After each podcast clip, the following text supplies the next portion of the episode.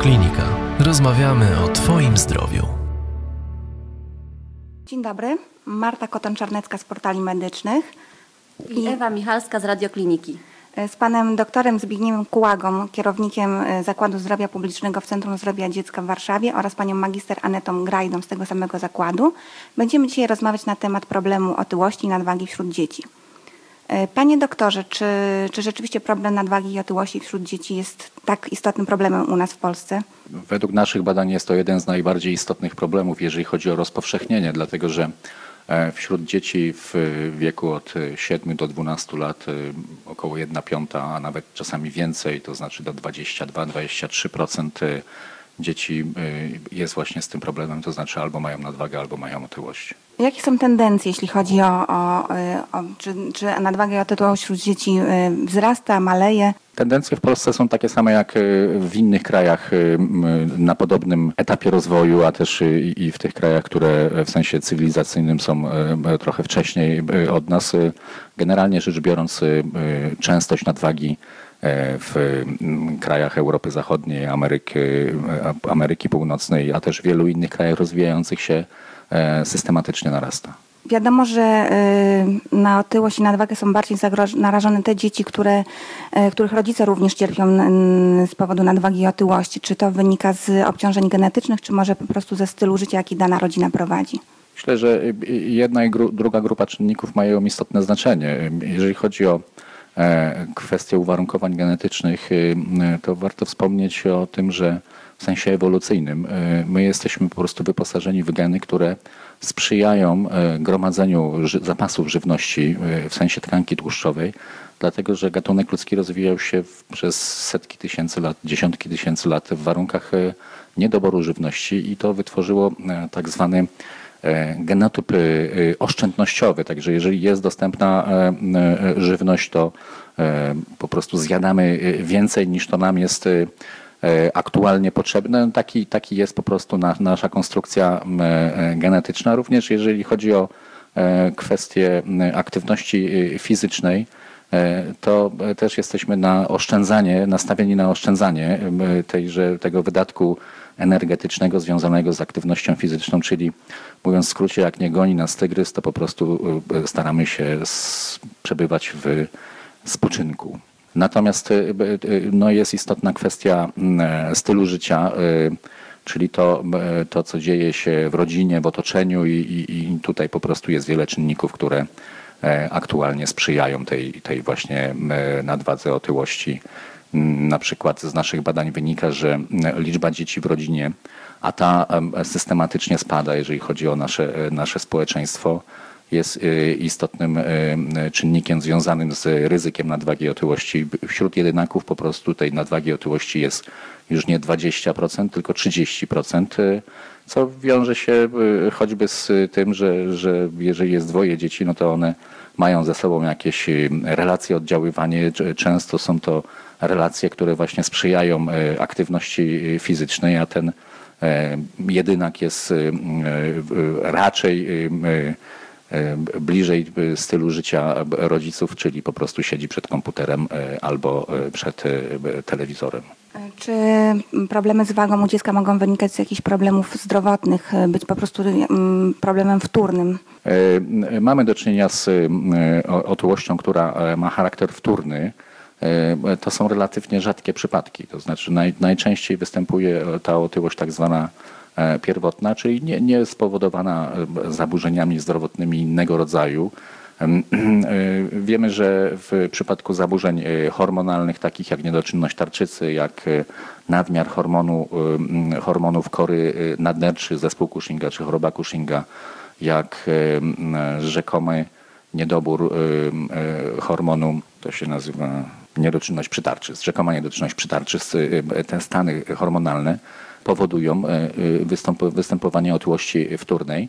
E, wśród dzieci też jest, mm, trzeba wspomnieć o genetycznych przyczynach otyłości i tutaj takim no, klasycznym czy, czy sztandarowym przykładem jest zespół Prader-Willi, ale też z rzadkich bardzo schorzeń to na przykład niedobór hormonu leptyny lub niedobór receptora hormonu leptyny, także to są, to są przyczyny tak zwane wtórne, jeżeli chodzi o nadwagę, otyłość wśród dzieci. A jakie są konsekwencje, jeśli chodzi o zdrowie dzieci? Mm, cukrzyca typu drugiego jest coraz częściej diagnozowana u dzieci, także nadciśnienie, czy, czy to ma związek właśnie z, z nadwagą i otyłością?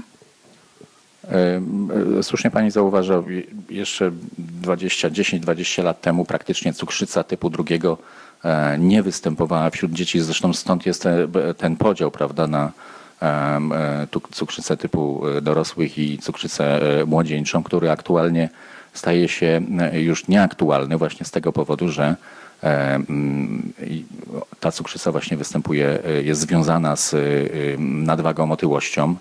E, również e, podwyższone ciśnienie w naszych badaniach i w badaniach innych e, zespołów badawczych praktycznie wszędzie na świecie jest też związane z ryzykiem wystąpienia nadwaga i otyłość jest związane z ryzykiem wystąpienia podwyższonego ciśnienia. To znowu oddziałuje na tak zwane narządy docelowe. Te narządy wykazują już w wieku dziecięcym, młodzieńczym E, zmiany, które e, no, są spowodowane tym, że właśnie e, podwyższonym ciśnieniem, ale jest też szereg, szereg innych problemów zdrowotnych, jeżeli chodzi o nadwagę, otyłość, to na przykład z większą częstością wśród tych dzieci występuje astma. Są problemy związane z układem kostnym, wynikające po prostu z grawitacyjnego obciążenia E, szczególnie jeżeli to jest e, e, bardzo zaawansowana otyłość, prawda, o, o, dużym, o dużym stopniu. Są też problemy związane z zaburzeniami snu, z zaburzeniami hormonalnymi, które otyłość wywołuje i one znowu są związane też z wcześniejszym dojrzewaniem. Czyli nie można liczyć na to, że dziecko wyrośnie z otyłości, bo problemy, które e, otyłość, e, które, której otyłość jest przyczyną, są na tyle istotne, że zostawiają jakby swój ślad, piętna również w dorosłym życiu. To znaczy my liczymy na to, że, że e, można się pozbyć tego problemu, czyli mówiąc w skrócie wyleczyć się z otyłości.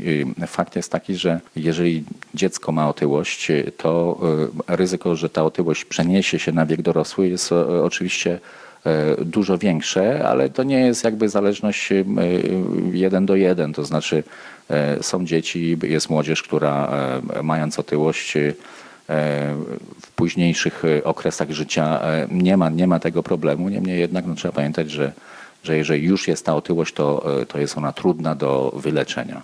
E, ja chciałam spytać, jak sobie właśnie radzicie e, z leczeniem otyłości u dzieci? U nas jest prowadzony w Centrum Zdrowia Dziecka jest prowadzony taki program.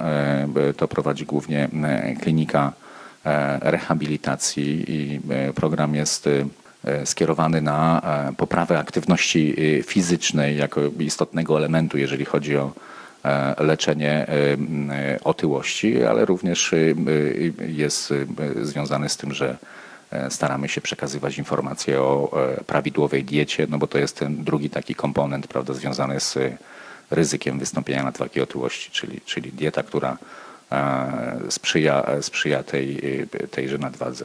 Czy jest jakiś program, tak, który, w który dziecko jest wdrażane? Wy monitor, monitorujecie postępy y, walki z tą otyłością, tak? Jest jakiś program, dziecko się rehabilituje, ma dietę, zdaje relacje z tego, jakie są postępy?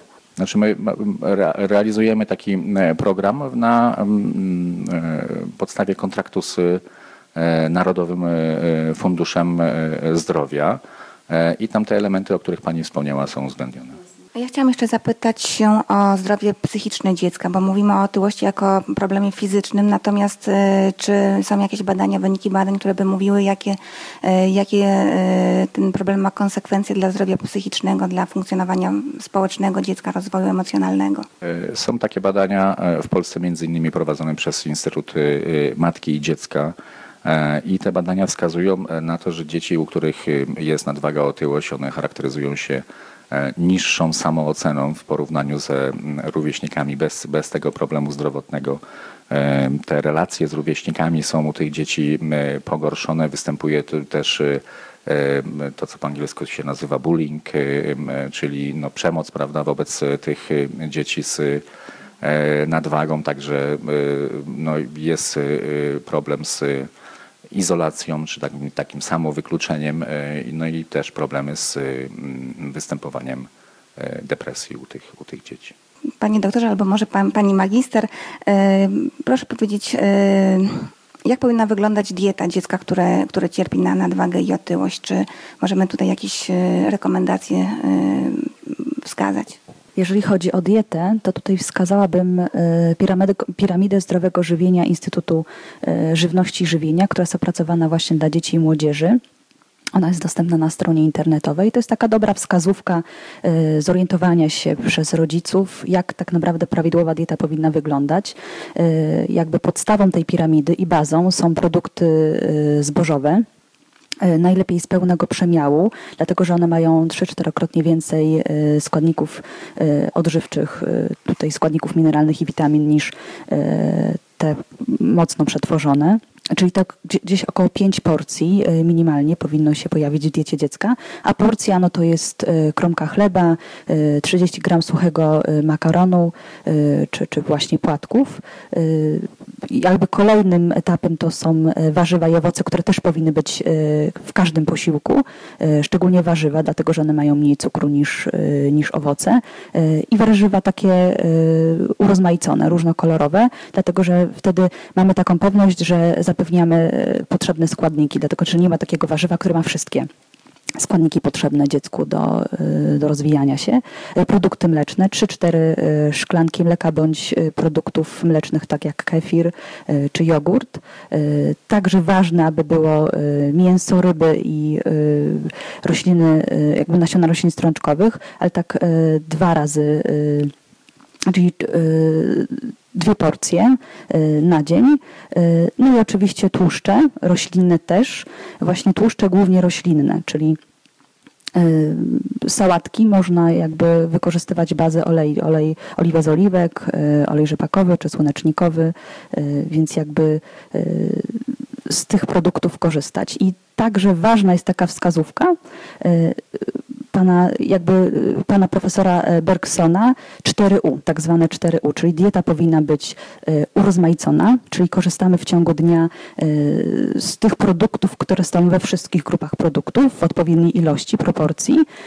Powinien być jakby umiar, czyli nie przejadamy się oraz unikanie, to znaczy, że unikamy takich produktów, które mają wysoki poziom y, soli tu, y, i też cukrów dodanych, y, czyli załóżmy, wybierając produkt mleczny, wybieramy maślankę, kefir bądź jogurt naturalny i do tego dorzucamy owoc, a nie na przykład jogurt owocowy, bo to jest jakby lepszy wybór. Jakby dziecko też uczy się takich wyborów, rodzic może jakby też dawać taką możliwość wybierania tego, co dziecko może zjeść, jednocześnie pokazując poprzez swój wzór, no bo dziecko naśladuje tak naprawdę w tym wszystkim. Możemy dużo mówić dzieciom też, jeżeli też tworzyć edukację, natomiast ważne jest e, to, co widzi, to, co jej rodzic, tak?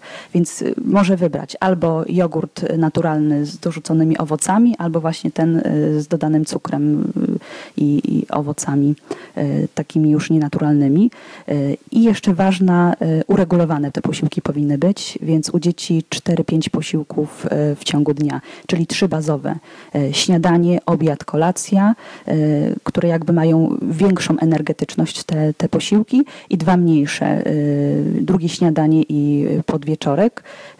Znaczy to jest taka wiedza oczywista, o której mówię, ale mi się wydaje, że za każdym razem słuchając, człowiek też weryfikuje, jak ja jakby te zasady wykorzystuję w swoim życiu, a biorąc pod uwagę, że jeżeli ma się dzieci, to trzeba być uważnym, bo to jak człowiek odżywia się w domu, jest rodzicem, ma wpływ nie tylko na niego samego, ale tak naprawdę też na dzieci, Tak samo jest z aktywnością fizyczną, bo tutaj zwrócę uwagę, że w tej piramidzie y, w bazowej jakby podstawie jest też aktywność fizyczna, o której się mówi, że 60 minut y, dziennie minimalnie dziecko powinno y, jakby tą aktywność wykonywać. I jeżeli też ważna informacja co do picia, głównie woda. To powinna być głównie woda, nie napoje słodzone, dlatego że one tak naprawdę są wysokokaloryczne.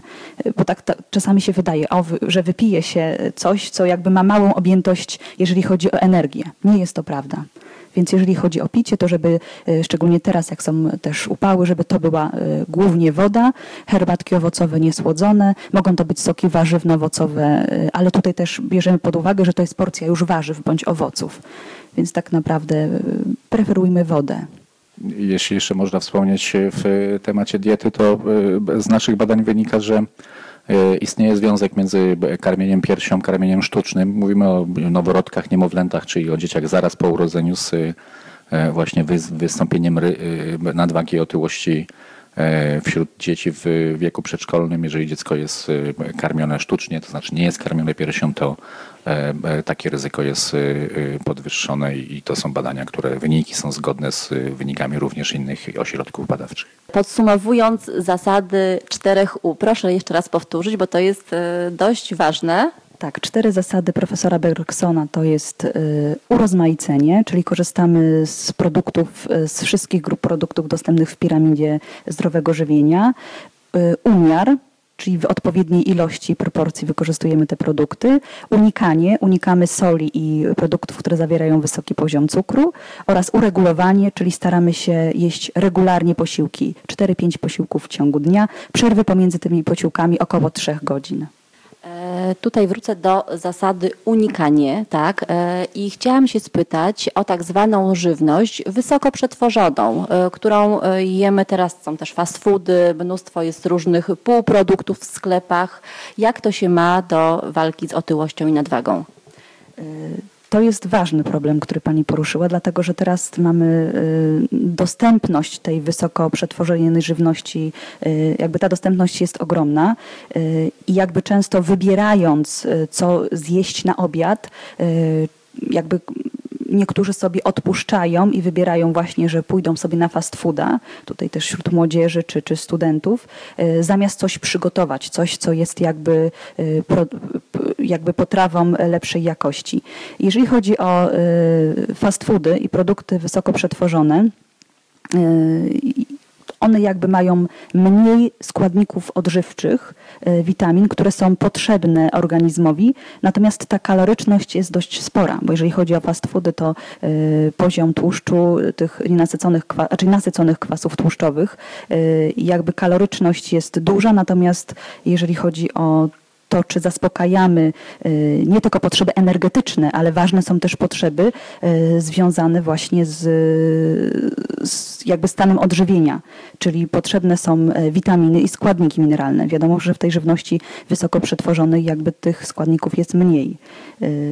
Natomiast teraz też jest tak, że znaczy człowiek w dobie dzisiejszego świata mniej wykonuje aktywności fizycznej, czyli tak naprawdę e, ta energetyczność nie jest tak bardzo potrzebna, e, jak e, jakby jakość tego pożywienia, dlatego że są osoby, które mają nadwagę bądź otyłość, a tak naprawdę mogą być niedożywione, jeżeli chodzi o składniki mineralne i witaminy. Może po prostu być brak, a witaminoza ze względu na to, że dostarczają energii, ale nie dostarczają odpowiedniej jakości produktów.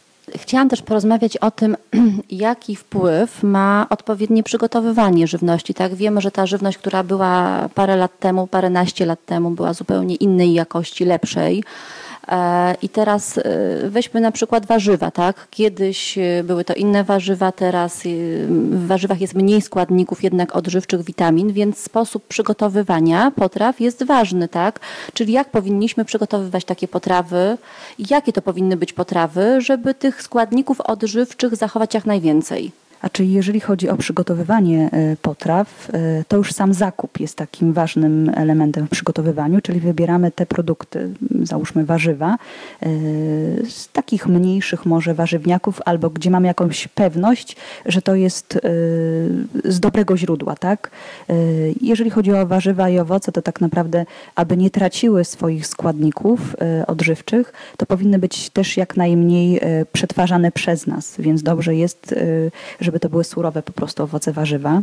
Tam, gdzie się nie da, no to żeby to były y, bardziej gotowane, gotowane na parze. Na pewno nie smażone, bo smażenie y, powoduje tak naprawdę też zwiększenie kaloryczności y, jakby tego warzywa, ze względu na to, że smażymy na tłuszczu.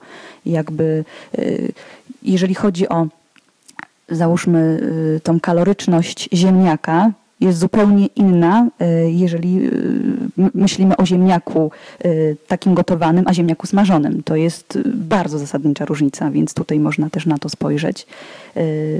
Więc w tym przygotowywaniu też powinniśmy jak, naj, znaczy jak najmniej sami przetwarzać tą żywność. Tutaj akurat na przykładzie tych warzyw. Więc w taki sposób, czyli bardziej sałatki niż, niż surówki załóżmy. Czyli podsumowując, e, warto mieć umiar, e, warto zjeść czasem e, czegoś mniej, a lepszego tak, niż posilać się fast foodami i żywnością wysoko przetworzoną, bo to powoduje tylko otyłość, a organizm, tak jak pani magister wspomniała, może być niedożywiony. I tutaj chciałam spytać jeszcze o, już ostatnia kwestia, o suplementy o witaminy, tak, w postaci właśnie suplementów. Jak to się, bo na rynku tego jest bardzo dużo. Właśnie, na rynku jest bardzo dużo i tutaj też y, ja bym taką zasadę umiaru y, stosowała, dlatego że y, po toż się odżywiamy, po to jakby są posiłki, aby człowiekowi zaspokoić te najbardziej bazowe, podstawowe składniki i dieta to jest jakby y, to źródło, z którego y, korzystamy ze składników mineralnych, z witamin. Y, suplementacja, jakby, no, tak jak pani powiedziała, jest duży wybór różnych suplementów, natomiast jakby moja opinia jest tak, w takim jakby założeniu, żeby skupić się na diecie. Dieta ma nam dostarczać składników odżywczych potrzebnych, dlatego że no, dawka jakby jest istotna, tak? Natomiast jeżeli wymagana jest suplementacja, czy to na przykład dotyczy kobiet ciężarnych, kwas foliowy, tak? Tutaj jest jakby nie ma dwóch zdań, musi być. Y, warto o suplementach też rozmawiać y, z lekarzem, czy ze specjalistą, y, czy po prostu te suplementy są potrzebne, czy to nie jest jakaś moda, która się pojawiła, za którą niekoniecznie musimy jakby też podążać, iść. Natomiast ja bym się właśnie skupiła bardziej na odżywianiu, na tym, że mm, ja zdaję sobie sprawę, dlatego że no, nie jestem osobą, która y, zawsze wykonuje jakby i wybiera dobrze, jeżeli chodzi o żywienie. To czasami jest jakby walka każdego dnia, żeby wybrać coś, y, co jest y, lepszej jakości, tak? Błędy żywieniowe, y, no wydaje mi się, że zdarzają się każdemu. Tylko jest kwestia, żeby skupić się tu i teraz, podejmuję wybór i co jest dla mnie dobre.